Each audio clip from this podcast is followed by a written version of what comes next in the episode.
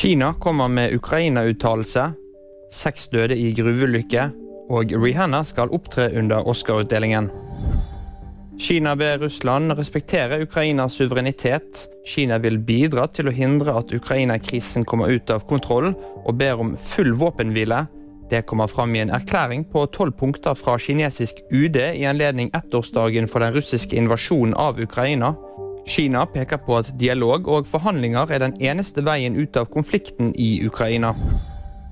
47 gruvearbeidere er savnet og seks er funnet døde i Kina. Det skjer etter at en kullgruve kollapset nord i landet. Det opplyser statlige medier. Ulykken skjedde da en åpen gruve i indre Mongolia kollapset og begravde mange arbeidere.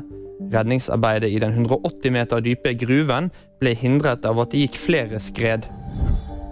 Rihanna opptrer under Oscar. Det er AFP som melder at superstjernen som stjal overskriften etter sin opptreden på Superbowl, skal spille på Oscar-utdelingen. Hun vil fremføre den Oscar-nominerte låten 'Lift Me Up' fra Black Panther Wakanda Forever. Og det var VG-nyhetene. De fikk du av meg, Kristoffer Gåsvær Torgersen.